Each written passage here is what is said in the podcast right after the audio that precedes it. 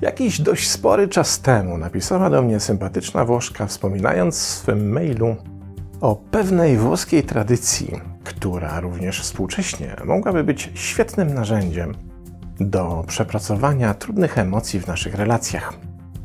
Niestety tego maila gdzieś mi wcięło, więc zapamiętawszy jedynie kontekst tego narzędzia, rozpocząłem poszukiwania i okazało się, że jest obecne również we Włoszech współcześnie jako narzędzie psychologiczne do rozwiązywania konfliktów.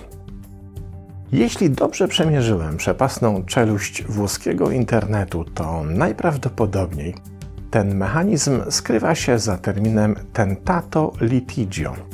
Jednak jeśli oglądają mnie Włoszki czy Włosi, to proszę o maila, bo chętnie dowiem się więcej o prawidłowej nazwie, jak i samej tradycji. My jednak spróbujemy się przyjrzeć temu, o co w tym mechanizmie chodzi, jak zwykle na przykładzie. Oto dla odmiany Stefano i Francesca. Dobrana, a póki co jeszcze bezdzietna małżeńska para, której po prostu dobrze ze sobą.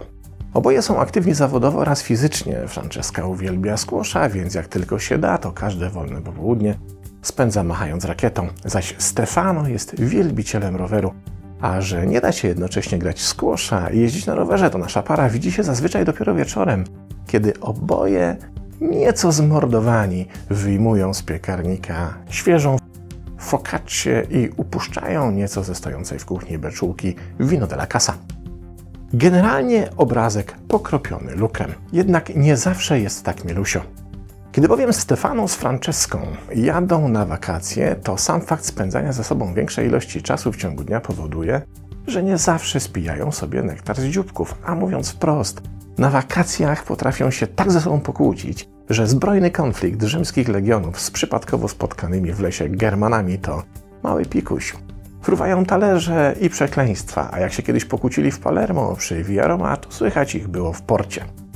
No cóż, taka z nich wesoła para. Tym razem zaś wymyślili, że najbliższe wakacje, jak kasa i pandemia pozwolą, spędzą w Amsterdamie. Francesca bardzo chce zobaczyć oryginały Van Gogha i Rembrandta i generalnie uważa, że jedzie tam głównie dla zwiedzania muzealnych ekspozycji.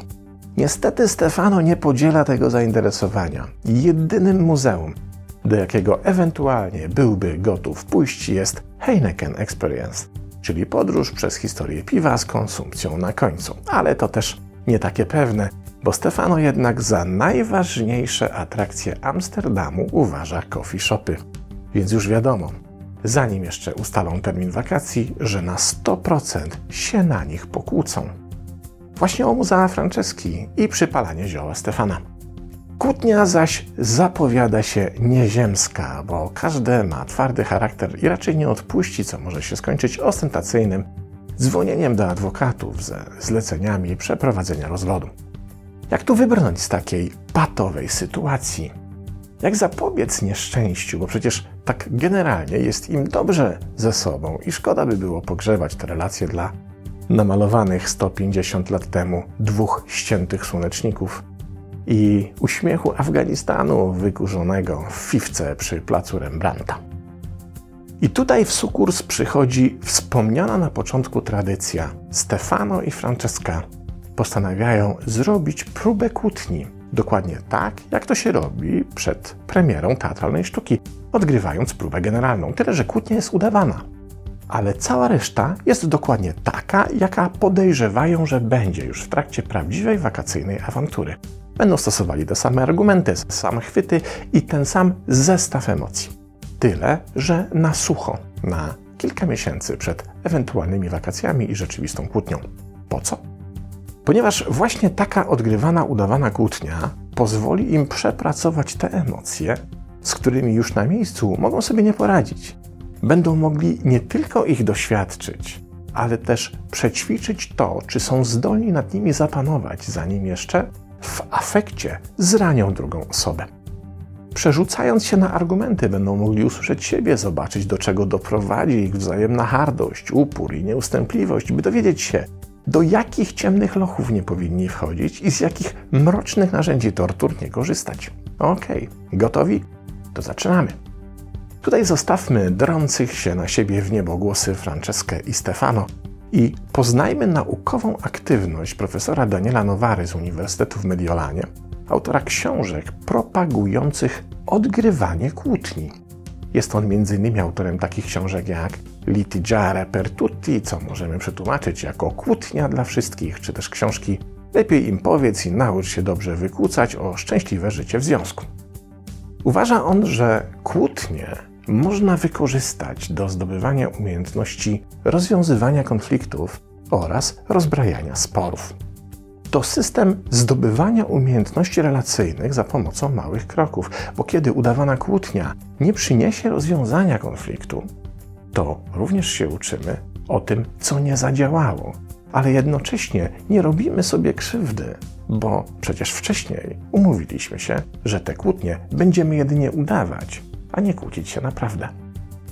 Można później wspólnie zastanowić się, czemu rozwiązanie nie zostało znalezione i jak to naprawić następnym razem.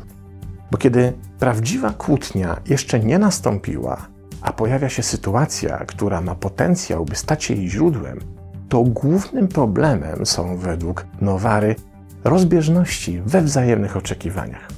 Tym, co wyobraża sobie każda ze stron relacji w odniesieniu do zachowania drugiej strony, a tym, jak rzeczywiście te zachowania mogą wyglądać. Póki zaś się tego nie przećwiczy, to nie da się przewidzieć, w którą stronę pójdzie konflikt. Ja dodałbym jeszcze do tego ważny element, a mianowicie efekt zaskoczenia.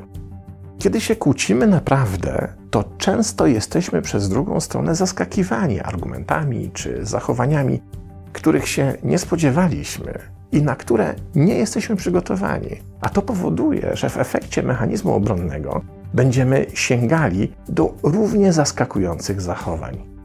A wówczas w konflikcie uruchomi się efekt znany z mechanizmu uciekaj albo walcz, w którym, jak wiemy, ciało migdałowate rejestrując zagrożenie, kontaktuje się bezpośrednio ze wzgórzem, odłączając z neuronalnego procesu komunikacyjnego ośrodek analityczny. Co powoduje, że po prostu rozdrażnieni mamy tendencję do zachowań irracjonalnych. Tymczasem, kiedy kłótnia jest jedynie udawana czy odgrywana, możemy pokonać ten mechanizm właśnie dlatego, że rozdrażnienie jest odgrywane, a nie prawdziwe. Co więcej, udawaną kłótnię możemy też wykorzystać do nauczenia się takiego sposobu prowadzenia sporu, który finalnie ma doprowadzić do jego rozwiązania, a nie do zaognienia. I tutaj profesor Nowara podaje kilka prostych reguł do przećwiczenia w trakcie udawanej kłótni. Po pierwsze, nie atakuj osoby, a jedynie problem. Kiedy atakujesz osobę z wykorzystaniem jakichś jej osobistych cech czy przywar, natychmiast wywołujesz w tej osobie tendencję do obrony siebie, w której często uznajemy, że najlepszą formą jest atak. Wówczas przedmiotem kłótni przestaje być problem, który ją rozpoczął, ale wzajemne atakowanie siebie, co do niczego dobrego nie może nas zaprowadzić. Po drugie, nie bierz w konflikcie wszystkiego do siebie, na przykład wycieczek osobistych, bo we wzburzeniu służą one głównie drugiej osobie do rozładowania złości. Trzymaj się problemu, a wówczas druga osoba również nie otrzyma od ciebie dawki energii rozpalającej konflikt. To zaś oznacza próbę takiej udawanej kłótni w parze, by z założenia nie reagować na wszelkie osobiste przytyki, uwagi czy komentarze. W ten sposób uczymy się nawzajem nie wciągania do konfliktu obiektów czy elementów, które mu nie służą. Zresztą ten efekt przecież doskonale znamy. Kiedy sednem konfliktu są niepozmywane talerze, to po chwili pojawia się tekst: No widzę, że tak cię wychowała twoja matka. I to niezależnie od tego, która strona użyje tej techniki i po co. Sam fakt pojawienia się dodatkowego elementu, w tym przykładzie matki, rozszerza jedynie konflikt o czynnik osobisty i daje mu dodatkową energię wzrostu. A problemem są talerze, a nie matka. Po trzecie, w udawanym konflikcie możemy przećwiczyć zamianę rad na praktyczne pytania, co w prawdziwym konflikcie jest bardzo trudne. Kiedy dochodzi do prawdziwego konfliktu, to bardzo szybko pojawiają się w nim rady w stylu: powinieneś być bardziej odpowiedzialny, powinnaś się wreszcie tego nauczyć.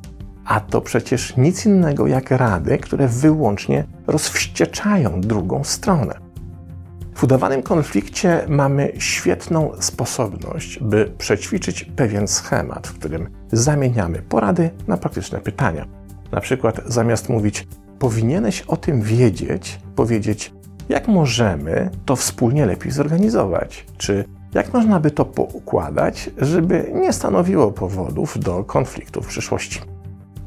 O ile w prawdziwej kłótni tego typu tekst raczej trudno nam przejdzie przez wzburzone gardło, o tyle już w udawanej kłótni jest dużo prościej. Po czwarte, tutaj również ćwiczymy zamianę, tyle że w miejsce komentarzy czy przerywania wstawiamy uważne słuchanie. Jeśli zaś nam to nie wychodzi, to polecam najpierw ćwiczenia z artefaktem, o których szczegółowo opowiadałem w swoich szkoleniach wideo i książkach. Po piąte, ćwiczmy cierpliwość w ocenie tego, co usłyszeliśmy, bo w konflikcie mamy tendencję do natychmiastowego etykietowania tego, co usłyszeliśmy, i często oceniamy nie to, co rzeczywiście zostało powiedziane, ale jedynie to, co tak naprawdę chcieliśmy lub baliśmy się usłyszeć. Cierpliwość przed wydaniem oceny często popłaca, bo oceniamy dopiero wówczas, kiedy kurz emocji już opadł, a wtedy ryzyko popełnionego błędu jest dużo mniejsze. I to w zasadzie tyle. Można by powiedzieć, cóż za wspaniała metoda, same profity, a przy okazji też kupa niezłej zabawy i nauki. Jednak muszę włożyć łyżkę dziegciu do tej beczki miodu i zadać pytanie, czy metoda, za pomocą której Stefano i Francesca uczą się siebie i kształcą swoje zdolności zarządzania emocjami, może być tak samo skuteczna dla Stefana i Grażyny? Żeby odpowiedzieć na to pytanie, musimy opuścić słoneczną Italię i na chwilę przenieść się za ocean. W 1996 roku na Uniwersytecie w Michigan wykonano sławetne badania dotyczące tzw. Tak kultu honoru. Chciano w nich ustalić, czy istnieją różnice kulturowe w reakcjach konfliktowych. W badaniach uczestniczyli biali mężczyźni wychowani na północy Stanów oraz ich rówieśnicy wychowani na południu.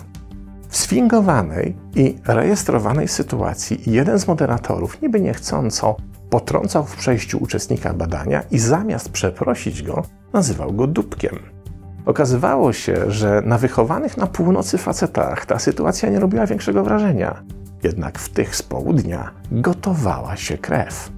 Uznawali oni, że takie zachowanie nadwyrężało ich męską reputację i byli gotowi do agresywnej reakcji w jej obronie, a wszystkiemu towarzyszył wzrost poziomu kortyzolu, świadczący o silnym emocjonalnym wzburzeniu, oraz wzrost testosteronu, przygotowujący ich do walki.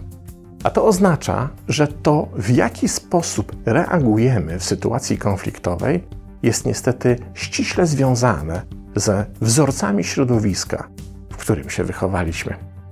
I nie dotyczy to wyłącznie białych amerykańskich południowców, prawda? Wśród tysięcy Stefanów i Grażyn mogą się przecież znaleźć również i takie osoby, które nawet w udawanym konflikcie gotowe będą uznać, że ich reputacja, pozycja czy godność zostały nadwyrężone, a wówczas symulowana kłótnia może przerodzić się w potężny konflikt, który wyrwał się spod kontroli i już dawno przestał być udawany. Jaki z tego wniosek?